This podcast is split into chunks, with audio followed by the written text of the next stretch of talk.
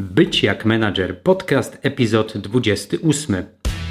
W wieku 16 lat wiedziałem, że chcę robić wybitne rzeczy w gronie wybitnych specjalistów. Zostałem więc menadżerem i choć zarządzanie to niełatwy kawałek chleba, uczę, jak to robić na najwyższym poziomie. Jestem Mariusz Najwer, a to mój podcast o zarządzaniu w IT. Dzień dobry.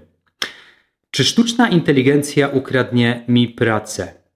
Nie tylko mnie, ale też pozostałym menadżerom w szeroko pojętej branży IT. Dziś e, będziemy grzebać w tym temacie, będziemy drylować e, różne wątki wokół sztucznej inteligencji, uczenia maszynowego, inteligentnych nowych narzędzi, które e, wejdą prawdopodobnie we wszystkie dziedziny naszego życia. Zresztą, tak jak właśnie branża IT weszła już we wszystkie dziedziny naszego życia. Dla osób, które są tutaj być może po raz pierwszy albo trafiły, trafiły przypadkiem na ten podcast, to ja tylko, drogi słuchaczu, przypomnę Ci, że mój podcast kieruje do szeroko pojętej branży menedżerskiej w IT, do product managerów, project managerów, do analityków biznesowych, scrum masterów, product ownerów. Mm, I zanim wejdziemy w mięso, zanim, mm, zanim zaczniemy sobie rozmawiać o sztucznej inteligencji, ja chcę nadać jeszcze pewien kontekst naszemu dzisiejszemu epizodowi. Otóż nagrywam to w ogóle w pokoju hotelowym. W pokoju hotelowym w resorcie e, umiejscowionym nad pięknym jeziorem na Dolnym Śląsku w miejscowości Sosnówka. To, co zmieniło się od ostatniego czasu, gdy opublikowałem podcast kilka tygodni temu i rzeczywiście część z Was słusznie zauważyła, że zrobiłem sobie kilkutygodniową przerwę, to, co się zmieniło, to fakt, że nie jestem już kawalerem. Mianowicie ostatnie tygodnie pochłaniały mnie na organizacji mojego oraz mojej narzeczonej ówczesnej Tatiany ślubu. Wtedy narzeczonej, dziś żony. To się właśnie zmieniło. Stąd ta krótka przerwa w publikacji. Także nagrywam to z pokoju hotelowego. Tatiana, moja żona, to jest w ogóle nasza podróż poślubna. Więc niektórych, niektórych słuchaczy może to dziwić, że w, w, czasie podróży służbowej nagrywam podcast, ale wiem, że miałem przygotowany skrypt do dzisiejszego podcastu już dawno i nie chciałem z tym zbyt długo czekać. Stąd stwierdziłem, że w ramach takiego relaksu i odskoczni od tego chilloutu, który tutaj uskuteczniamy, a pogoda dopisała, pomimo że jest e, połowa marca, e, to jednak e, pomyślałem, że chcę jakby już wyrzucić z siebie te wszystkie refleksje i wszystkie opinie, które gdzieś tam chomikowałem na swoim laptopie na temat no właśnie tego wielkiego hypu i tej ogromnej popularności wokół sztucznej inteligencji, jaka dzieje się obecnie na naszych oczach. Gdy to nagrywam, jeżeli dobrych słuchaczy słuchasz tego nieco później, mm, to jest na początku marca 2023 roku, to od przeszło dwóch miesięcy świat zachwyca się tak zwanym czatem GPT. GPT. Powiedzieliśmy czat, powiedzielibyśmy czatem GPT. Zaraz sobie powiemy na szybko, czym jest ten czat, chociaż podejrzewam, że większość słuchaczy mojego podcastu już to wie. Niemniej jednak tematem przewodnim poza pewną rewolucją technologiczną, która wydarza się na naszych oczach, będzie dziś pytanie, na które spróbujemy sobie odpowiedzieć. Pytanie, jak bardzo uczenie maszynowe i tak zwana sztuczna inteligencja wpłynie na życie menadżerów w IT. To jest podcast menadżerski, także wokół wątku menadżerskiego będziemy dzisiaj cyrkulować. Powiemy sobie też, czy role kierownicze, produktowe projektowe mogą być jakoś zagrożone przez inteligentne technologie. Powiemy sobie także, jak zmieni się praca codzienna product managera, także pro, project managera, product ownera czy analityka biznesowego, biznesowego po tym, gdy współczesne narzędzia e, przejdą przez e, naprawdę niezły tuning e, i zostaną wręcz naszprycowane uczeniem maszynowym. Wspominam o tym od czasu do czasu, także powtórzę to także teraz. Ja mój podcast opieram w dużej wierze i w dużej mierze na swoich subiektywnych, nierzadko stronniczych opiniach. Absolutnie nie wierzę w obiektywizm, nie czuję się żadną alfą i omegą, ale zwyczajnie daję sobie prawo do posiadania swojego zdania w palących kwestiach związanych z moją branżą i także być może Twoją, drogi słuchaczu. Także pamiętaj, mm, że gdy w pewnych kwestiach posiadasz odmienny światopogląd od mojego, uważam, że to dobrze, zdrowo i nierzadko słusznie myśleć inaczej niż pozostali iść własnym tokiem rozumowania. Oczywiście tak długo, jak masz ku temu dobre argumenty. Podcast podzieliłem na dwie części. W pierwszej części ustawię trochę grunt do dalszej dyskusji. Przypomnę, czym jest Chat GPT i czy to aby na pewno sztuczna inteligencja. Pozbierałem też dla Ciebie, mm, słuchaczu, kilka ciekawych opinii, liczb, kilka ciekawych faktów dotyczących tego narzędzia, jakim jest chat GPT. Chętnie podzielę się tym, co znalazłem. W drugiej części natomiast skupimy się już bardziej na tym, jakich zmian możemy spodziewać się w naszej pracy codziennej jako menadżerowie IT, gdy sztuczna inteligencja wejdzie już na grubo do firm. Udzielę też kilku, moim zdaniem, praktycznych wskazówek, co warto zrobić, żeby na te nowe czasy ze sztuczną inteligencją jak najlepiej się przygotować. Spróbuję też obalić kilka mitów, które już narosły wokół czatu e, GPT. W czasach mediów społecznościowych wiele opinii jest nam sprzedawanych jako fakty lub rzekomo obiektywne prawdy, ale gdy włączymy tryb myślenia, takiego myślenia refleksyjnego, szybko zauważymy, jak wiele z tych prawd objawionych to zwykłe sofizmaty które nie będą miały pokrycia w rzeczywistości. Zanim wejdziemy w mięso, super zachęcam do dwóch rzeczy. Do wysłuchania siódmego epizodu mojego podcastu z sierpnia 2021 roku.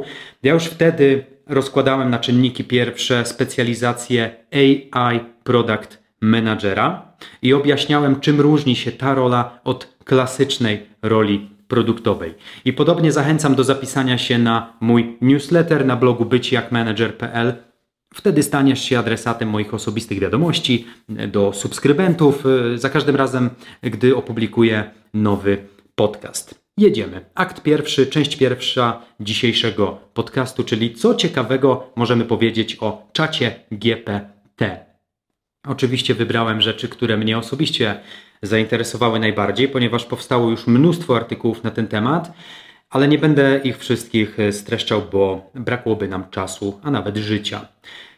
Zaraz po uruchomieniu czatu GPT te narzędzie miało ponad milion aktywnych użytkowników. Nie trzeba było długo czekać, żeby te liczby doszły do kilkunastu milionów userów. Żadnej innej technologii, to jest ta ciekawostka, żadnej innej technologii ani aplikacji na świecie nie udało się pozyskać tak wielu aktywnych użytkowników w tak krótkim czasie. Narzędzie należy do firmy OpenAI, a współzałożycielem OpenAI, być może też już słuchaczu o tym e, słyszałeś, uwaga, jest Polak, e, Wojciech Zaręba. To jest programista naukowiec, obecnie jedno chyba z najgorętszych nazwisk w polskiej branży IT. Wśród założycieli tej samej firmy jest również, jakby e, mogło być inaczej, Elon Musk, ale tego pana dyskretnie pominiemy w dalszej części podcastu. To, że czat GPT jest już super popularny, mm, to wiemy, ale nie wszyscy potrafią w kilku zdaniach określić, czym tak naprawdę jest ten, ten czat.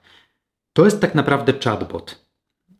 Chatbot, jakich znamy już kilka. Kojarzysz na pewno te wyskakujące okienka na stronach różnych sklepów. Wchodzisz na przykład na stronę z ciuszkami dla niemowląt a tutaj po chwili pęk, wyskakuje okienko z jakimś stokowym zdjęciem przystojnego pana i e, wiadomość: Hej, jestem Krzysztof, w czym mogę pomóc? Piszesz więc na tym czacie, w tym okienku: Szukam ciepłej kurtki dla mojego dziecka. W tym momencie odpalają się algorytmy i szanowny pan Krzysztof ze stokowym zdjęciem, na którym widzimy jego uśmiechniętą twarz, doradza takim szablonowo brzmiącym tekstem Kurtki dla dzieci znajdziesz w kategorii kurtek dla dzieci, zarówno dla dziewczynek, jak też chłopców. Czy jest coś, w czym jeszcze mogę pomóc? Ja rzucam od czapy takie, mm, takie slogany, które się pojawiają e, w takich oknach z chatbotami. To oczywiście jest namiastka wymyślonego dialogu z podobnie wymyślonym panem Krzysztofem, bo po drugiej stronie maszynka zwana botem generuje dla ciebie te odpowiedzi i robi, robi tak naprawdę wszystko, żeby rozmowa wyglądała jak najbardziej naturalnie. Większość chatbotów, i to jest ich problem, brzmi jednak tak, i te generowane odpowiedzi są bardzo dalekie od naturalnej mowy ludzkiej. I tutaj pojawia się on, cały na biało. Chat GPT albo po polsku mówimy chat GPT. I to jest także zwykły chatbot, ale taki bardziej na sterydach, ponieważ jego odpowiedzi wydają się niezwykle, a czasem wręcz przerażająco naturalne. Tak jak rozmawiałbyś z dobrym kumplem. Tutaj mówimy o tak zwanej technologii NLP Natural Language Processing. Mm, nie wiem, czy można to przetłumaczyć jako procesowanie naturalnego języka. W tym kierunku byśmy szli. Na pewno kojarzysz Siri od Apple albo Alexę stworzoną przez firmę Amazon. To są właśnie przykłady chatbotów, które z zasady mają brzmieć naturalnie, brzmieć prawie jak człowiek. Chat GPT został wytrenowany, żeby prowadzić w miarę naturalną konwersację, opierać swoje odpowiedzi w kontekście całej rozmowy, a nie tylko ostatniego zadanego pytania. I to jest właśnie ta rewolucja, która zaszła. Włożono lata żmudnej pracy bardzo wielu osób, żeby naszprycować czat GPT miliardami słów, fraz, kontekstów, wątków itd., tak itd. Tak Stąd mówi się o nim, że jest napakowany sterydami informacyjnymi. Źródłem danych dla naszego czatu są różne artykuły, książki, strony internetowe. Czat GPT może odpowiadać na nasze pytania, pisać eseje, tłumaczyć jakieś frazy, podsumowywać, streszczać dokumenty, może nawet y, tworzyć wiersze rymowane, a nawet pisać kod programistyczny. Jednak, i to też warto pamiętać, i co jest szczególnie ważnym kontekstem, czat GPT nie wie, co jest prawdą, a co nie jest prawdą. Ale do tego wątku jeszcze wrócimy. To nie jest jedyny inteligentny chatbot na rynku, o tym też warto pamiętać. Firmy Google oraz Meta również pracują od długiego czasu nad swoimi, swoimi sztucznymi inteligencjami. Agencja prasowa Reuters podała niedawno, że firma OpenAI, to też jest ciekawostka, którą gdzieś znalazłem, firma OpenAI zapewnia swoich potencjalnych inwestorów, bo oni wciąż poszukują tych inwestorów, że w 2023 roku osiągnie 200 milionów dolarów przychodu oraz miliard przychodu w 2024 roku. Ciekawy wydaje się też wątek, jak ChatGPT wpłynie na system szkolnictwa w wielu krajach. Jeden z programistów Google zrobił taki eksperyment, w którym podjął się egzaminów do różnych szkół, a odpowiedzi udzielał za pomocą czatu GPT. Czat bez większych problemów uzyskał 70% punktów w egzaminie na uzyskanie licencji medycznej w USA. Ten sam czat zdobył też 70% punktów w egzaminie dla przyszłych prawników. Odpowiedział też poprawnie na 9 z 15 pytań w innym egzaminie prawnym oraz z łatwością obronił też egzamin w nowojorskiej szkole wyższej z chemii. Mm, obronił ten egzamin na 78%. I podobnych przykładów można mnożyć. Oczywiście trwa już dyskusja na temat tego, jak szkoły powinny bronić się przed tym, że uczniowie na masową skalę będą używać sztucznej inteligencji do pisania wypracowań i do robienia zadań domowych. Już pojawiają się nawet narzędzia, które mają e, wyłapywać, czy dany tekst został przygotowany nie przez człowieka, a przez czat GPT. Przykładem jest m.in. Specjalna wtyczka do przeglądarki Google Chrome, która podpowiada użytkownikowi, jakie treści na stronie powstały przy użyciu technologii firmy OpenAI. I podobno wtyczka działa naprawdę dobrze, z 99% skutecznością. W Nowym Jorku poszli nawet o krok dalej, bo tamtejszy Departament Edukacji podjął decyzję, że żeby zablokować czat GPT na wszystkich urządzeniach, na wszystkich komputerach w nowojorskich szkołach publicznych oraz w sieciach Wi-Fi tamtejszych e, szkół publicznych. Ja osobiście uważam, że to była głupia decyzja, bo uczy się młodzież, że problemy rozwiązują zakazy. Natomiast myślę, że zamiast tego warto uczyć siebie i uczyć innych, jak rozsądnie korzystać z nowoczesnych technologii i gdzie mogą pojawić się zagrożenia, bo wprowadzenie zakazu jest pójściem po mm, linii e, najprostszej, po najprostszej linii oporu. Natomiast wszystkie te zabiegi, czy zakazywać, czy nie, jakieś obejścia, jakieś łatki do przeglądarek broniące nas przed czatem GPT, to będzie przypominać tak naprawdę zabawę w kotka i myszkę, bo sam czat GPT i podobne technologie dynamicznie się rozwijają i są stale ulepszane. Ten wątek zostawię może na inną dyskusję, bo dzisiaj interesuje mnie głównie kontekst menedżerski. Warto pamiętać, że treści generowane przez czat GPT mogą być nie tylko nieprawdziwe, ale też nieść ze sobą jakieś stereotypy, jakieś uprzedzenia, ogólne opinie, nie zawsze słuszne i, i, godne upubliczniania, czy nawet konkretne poglądy polityczne. A to wszystko dlatego, że czat wykorzystuje głównie to, co jest w internecie. A jak wiemy, ja, ty drogi słuchaczu, zakątki internetu e, mogą być prawdziwym bagnem, miejscem, do którego wolelibyśmy nie wchodzić. Z ciekawostek, które mnie jednak kręcą chyba najbardziej, ale też bardzo niepokoją, to to, że czat GPT może, może być tak naprawdę używany jest do tego już, żeby pisać maile phishingowe. Na pewno kojarzysz, że phishing to słowo pochodzące z angielskiego i oznacza łowić, a nazywa się w ten sposób różne treści w internecie, treści maili, SMS-ów, stron internetowych, treści, które mają ciebie najpierw ogłupić, a potem złowić i zachęcić do kliknięcia w podejrzane linki, w podejrzane witryny, dzięki czemu hakerzy zdobędą Twoje dane, a potem wykorzystają je do niecnych celów. Także ta bariera do tego, żeby zostać oszukanym przez um, jakieś maile phishingowe, jest coraz, coraz mniejsza, coraz cieńsza jest ta bariera.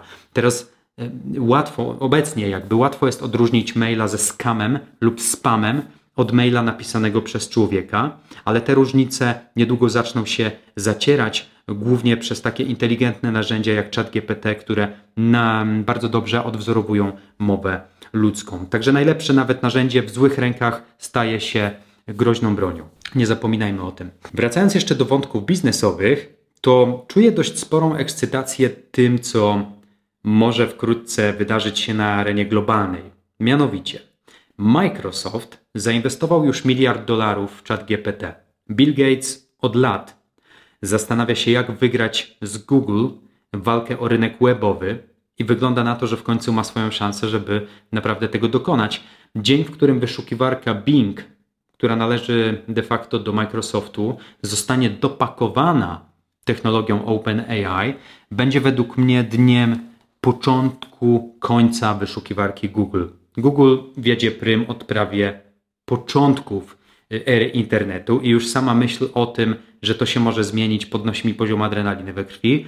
Wyszukiwarka Bing z kolei ma obecnie tylko 10% światowego rynku, ale z zaimplementowanym czatem GPT wyszukiwanie różnych treści wejdzie na zupełnie inny poziom. Przykładowo w oknie wyszukiwarki będzie można wpisać Znajdź mi 10 najciekawszych artykułów na temat ogrodnictwa i streść mi sens tych artykułów do 10 najlepszych praktyk prowadzenia własnego ogrodu. Obecnie, co też wiemy, w wyszukiwarce Google dostalibyśmy w najlepszym wypadku linki do stron z różnymi artykułami o ogrodnictwie. Ale po wpisaniu takiej frazy do stuningowanej wyszukiwarki Bing dostaniemy na twarz gotowy tekst z dziesięcioma najlepszymi praktykami, które możesz wypróbować w swoim ogrodzie.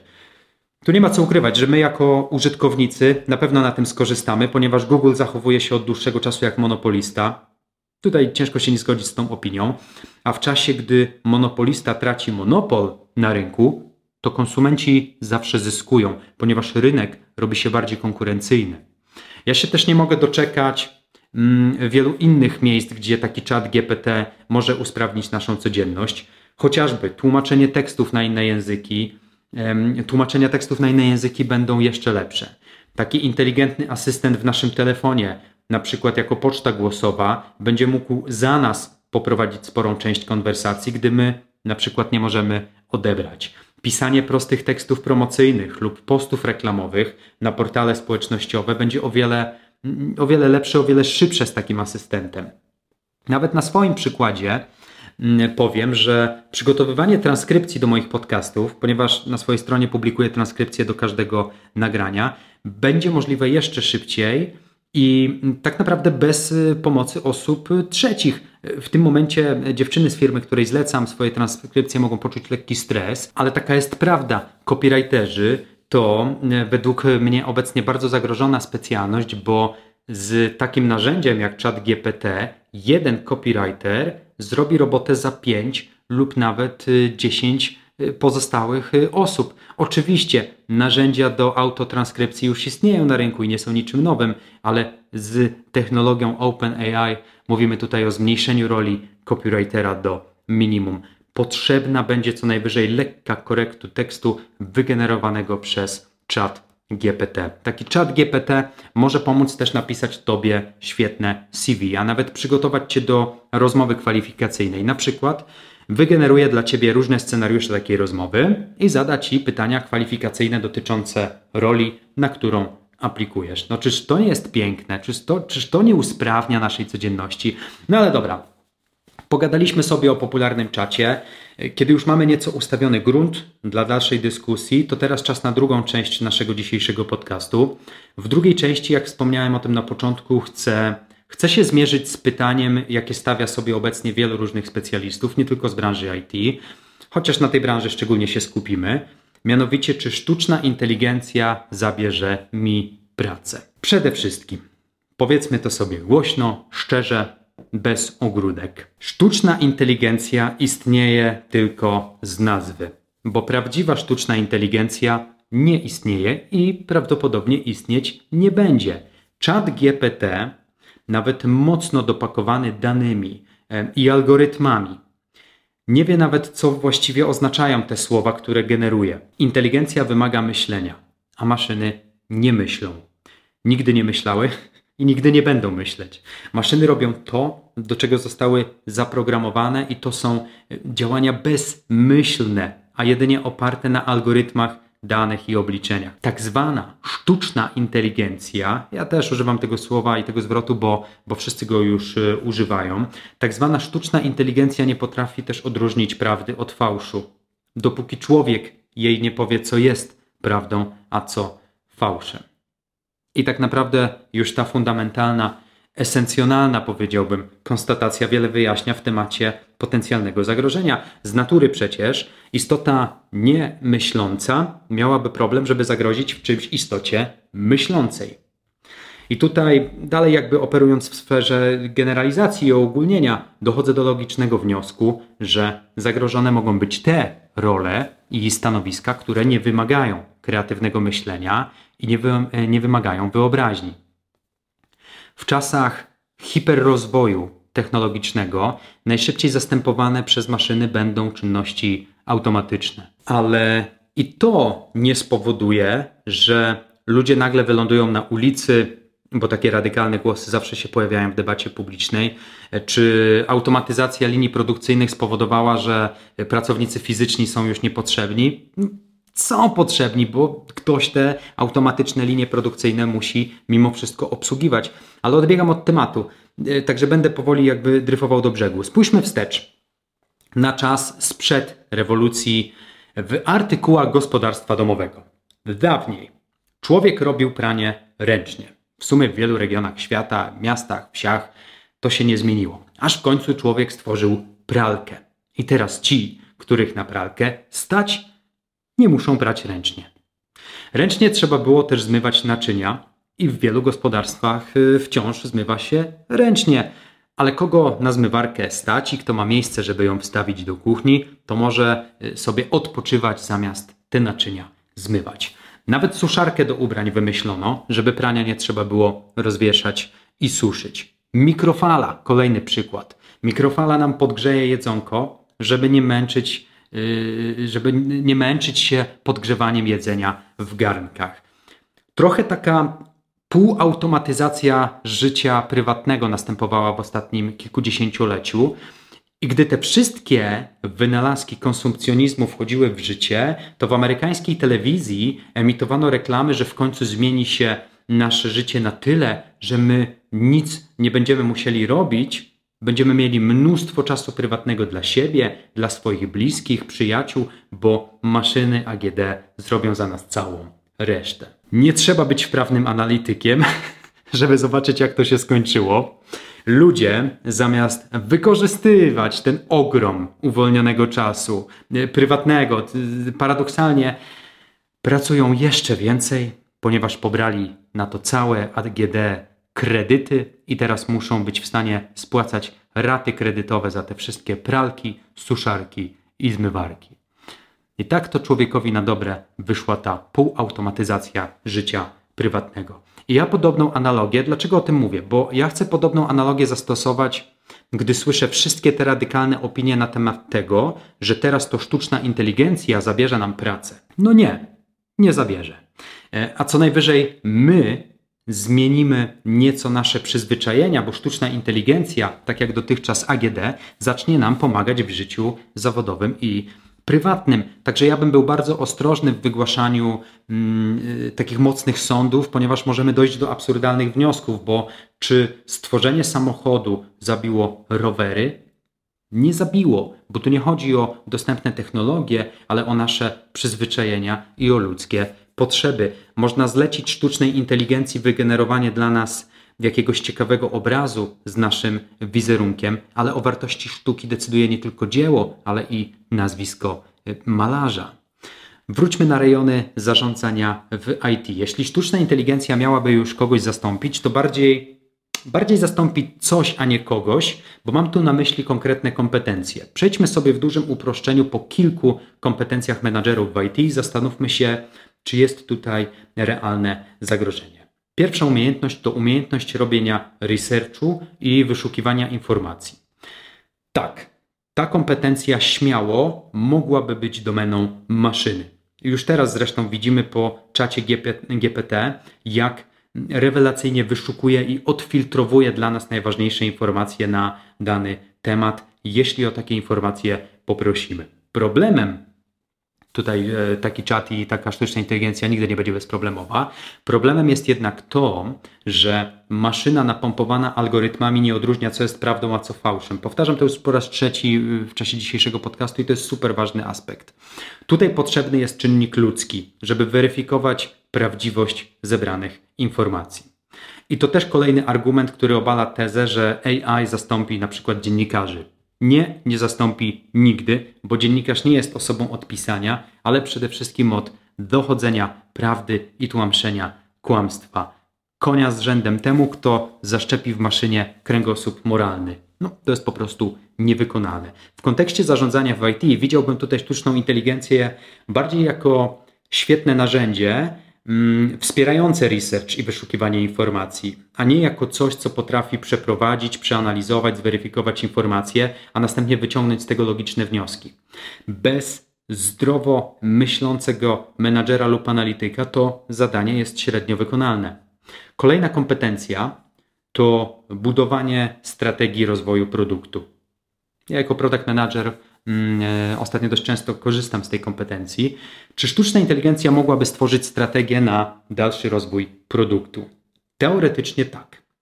Chociaż podobnie jak z researchem, maszyna mogłaby to zrobić, ale nie wiemy, czy to w ogóle miałoby sens. W sensie, wykonać zadanie zawsze można. To jak będzie wykonane, to już zupełnie inna para kaloszy.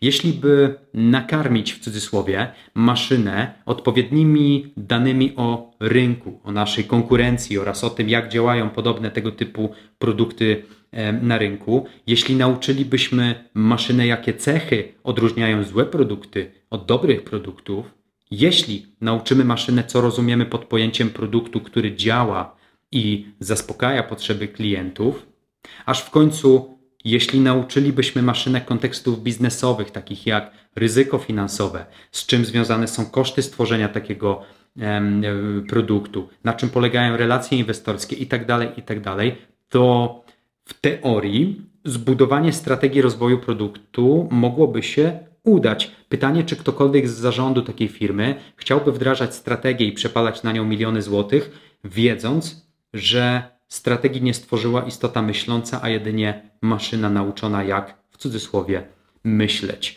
I podobnie jak w przypadku wyszukiwania informacji, tutaj też kompetencja menedżerska w tworzeniu strategii na pewno nie jest zagrożona, bo to zadanie wymaga niezłej logiki, a przede wszystkim kreatywnego i abstrakcyjnego myślenia. W skrócie, Trzeba mieć wyobraźnię, czyli coś, czego nie można żadnej maszyny nauczyć. Natomiast jako narzędzie wspierające budowanie takiej strategii, jak najbardziej widzę tutaj e, pole do popisu dla twórców e, sztucznej inteligencji. Kolejna kompetencja mocno kierownicza, to tworzenie i delegowanie zadań. Czy maszyna mogłaby to robić lepiej od człowieka? To jest ciekawy przypadek, bo w sumie na rynku istnieje już sporo narzędzi, które automatyzują tworzenie zadań i przypisywanie do tych zadań wykonawców, czyli pracowników w firmach. Na przykład e, w kilku firmach spotkałem się z tym, że pracownicy wsparcia technicznego, czyli tego naszego szeroko pojętego działu IT, pracownicy wsparcia technicznego stworzyli swój kanał na Slacku, czy tam na innym komunikatorze w firmie. I gdy któryś z pracowników ma problem na przykład z dostępem do konkretnego narzędzia czy tam oprogramowania, to najczęściej pisze na tym kanale coś w rodzaju hej, mam problem z zalogowaniem się yy, przykładowo do firmowej chmury, czy ktoś może mi pomóc?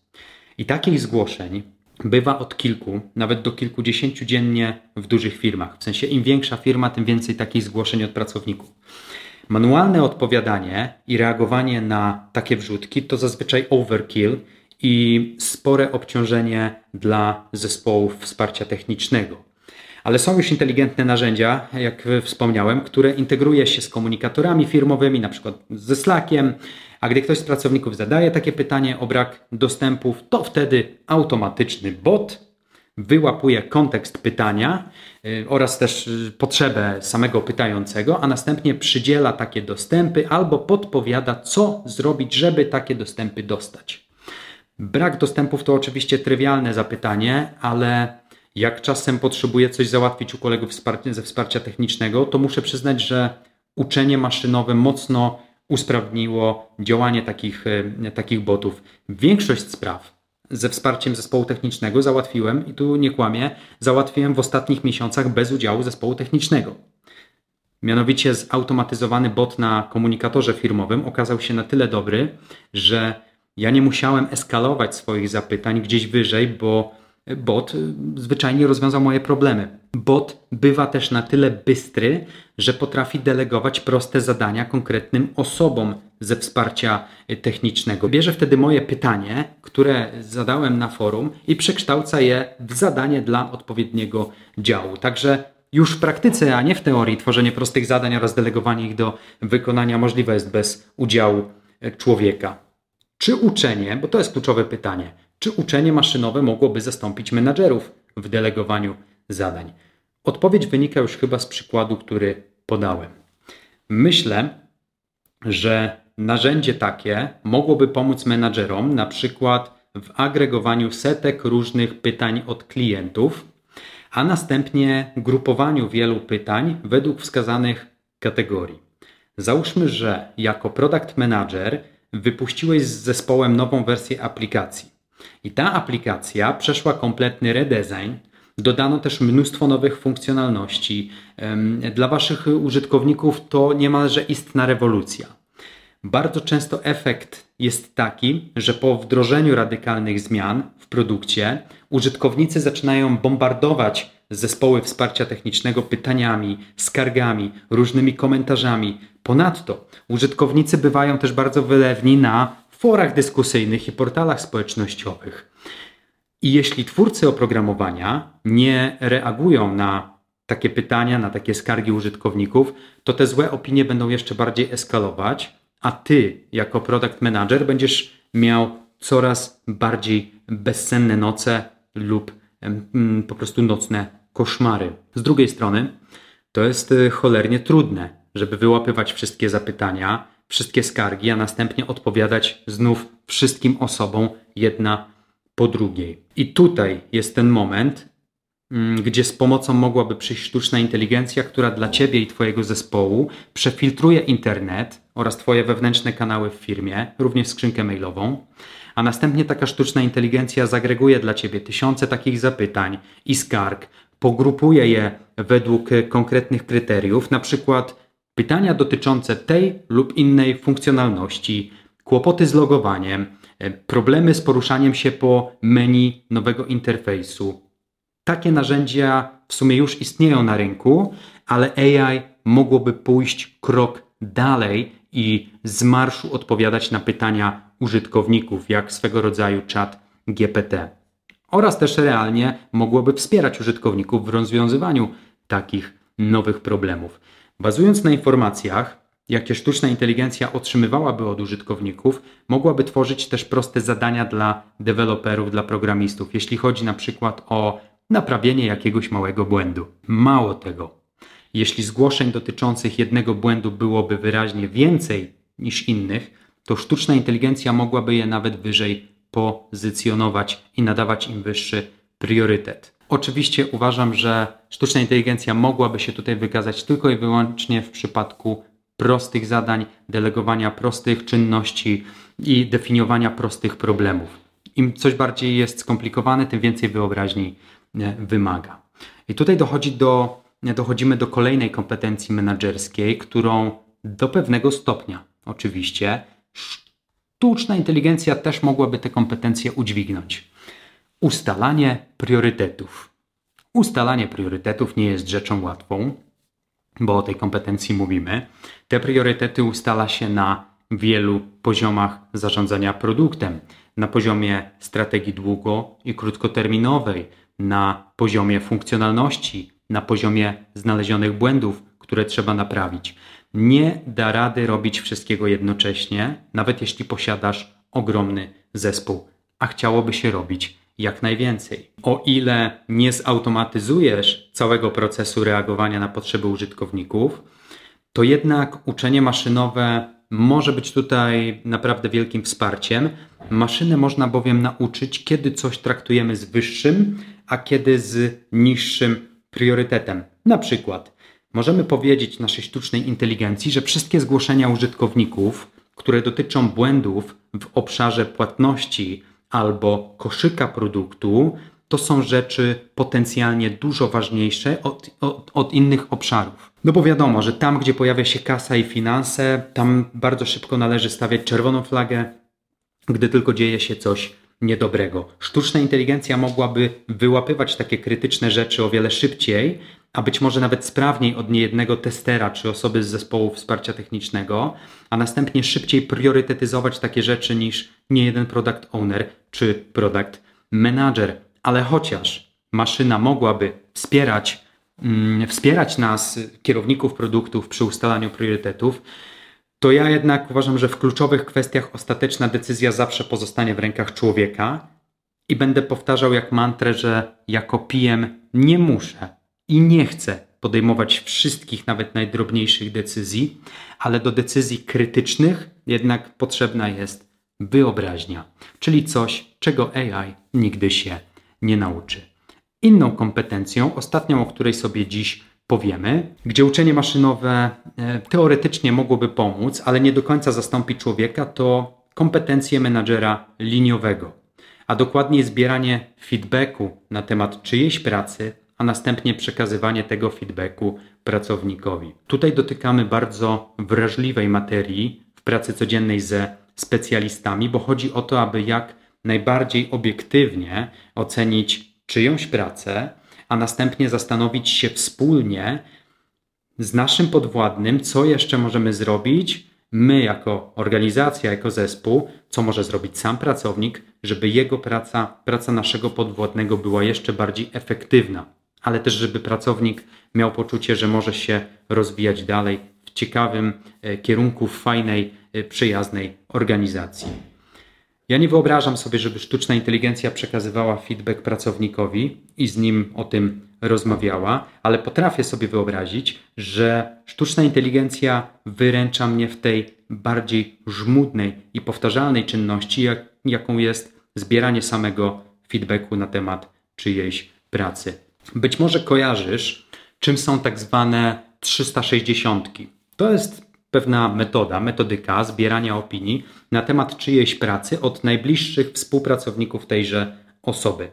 Stąd mówi się o tym 360, bo zbieramy opinie dookoła ciebie, czyli od wszystkich, z którymi potencjalnie współpracujesz na co dzień. I takie 360 spokojnie mógłbym zlecić w cudzysłowie sztucznej inteligencji, ponieważ taki chociażby czat GPT Myślę, że na pewno poradziłby sobie z zadawaniem prostych pytań zespołowi, mm, z którym na co dzień współpracuje mój e, podwładny. Chat GPT mógłby też zagregować później dla mnie te wszystkie zebrane opinie, ułożyć je w konkretne, w konkretne motywy. Przykładowo, Motyw pierwszy to opinie o umiejętnościach miękkich danego pracownika. A w innej kategorii, tudzież motywie, zgrupowane byłyby z kolei opinie o jego skillach twardych, na przykład programistycznych, jeżeli zbieramy feedback o programiście. Wiem, że znów się powtórzę, ale w tym, w tym przypadku także tak uważam. Sztuczna inteligencja nie zagraża menadżerom, co najwyżej mogłaby im pomóc w pracy codziennej i także mówiąc o, o, o menadżerach liniowych, jeśli częścią tej pracy jest przeprowadzanie rozmów z wieloma osobami, żeby uzyskać w miarę obiektywne opinie na temat swoich podwładnych. Takich przykładów i takich kompetencji menedżerskich, które mogą zostać podważane przez sztuczną inteligencję, można mnożyć i mnożyć. Niemniej jednak, podsumowując, stawiam dość wyważoną tezę, że kolejne, nawet te super inteligentne technologie nigdy nie zastąpią wprawnie zarządzającego menadżera projektu, produktu czy też menadżera liniowego. Dla mnie, ale to jest moja prywatna definicja świetnie zarządzającego e, i działającego kierownika, do zarządzania zespołem, firmą lub produktem potrzebny jest otwarty umysł, elastyczna osobowość, pasja, empatia czy wyobraźnia nielubiąca kompromisów. I na szczęście żadnej z tych cech nigdy nie posiądzie nawet najlepsza maszyna stworzona na nasze ludzkie, pokraczne podobieństwo. I tym akcentem zamykam dzisiejszy podcast. Dziękuję Ci, drogi słuchaczu, że kliknąłeś ten przycisk Odtwórz przy moim nagraniu. Zostawiam Cię ze swoimi refleksjami na temat AI i sztucznej inteligencji i tego, jak wpłynie na naszą pracę codzienną. Chętnie też przeczytam Twoją opinię na ten temat. Moje media społecznościowe, sekcje komentarzy są do Twojej dyspozycji. Ja również jestem do dyspozycji w czasie moich konsultacji jeden na jeden. Więcej w zakładce konsultacje na blogu byciakmanager.pl. Dziękuję za dziś. Do usłyszenia wkrótce. Ja powolutku zbieram się na spacer wokół wielkiego, pięknego jeziora w miejscowości Sosnówka. Dbaj o siebie i innych. Cześć.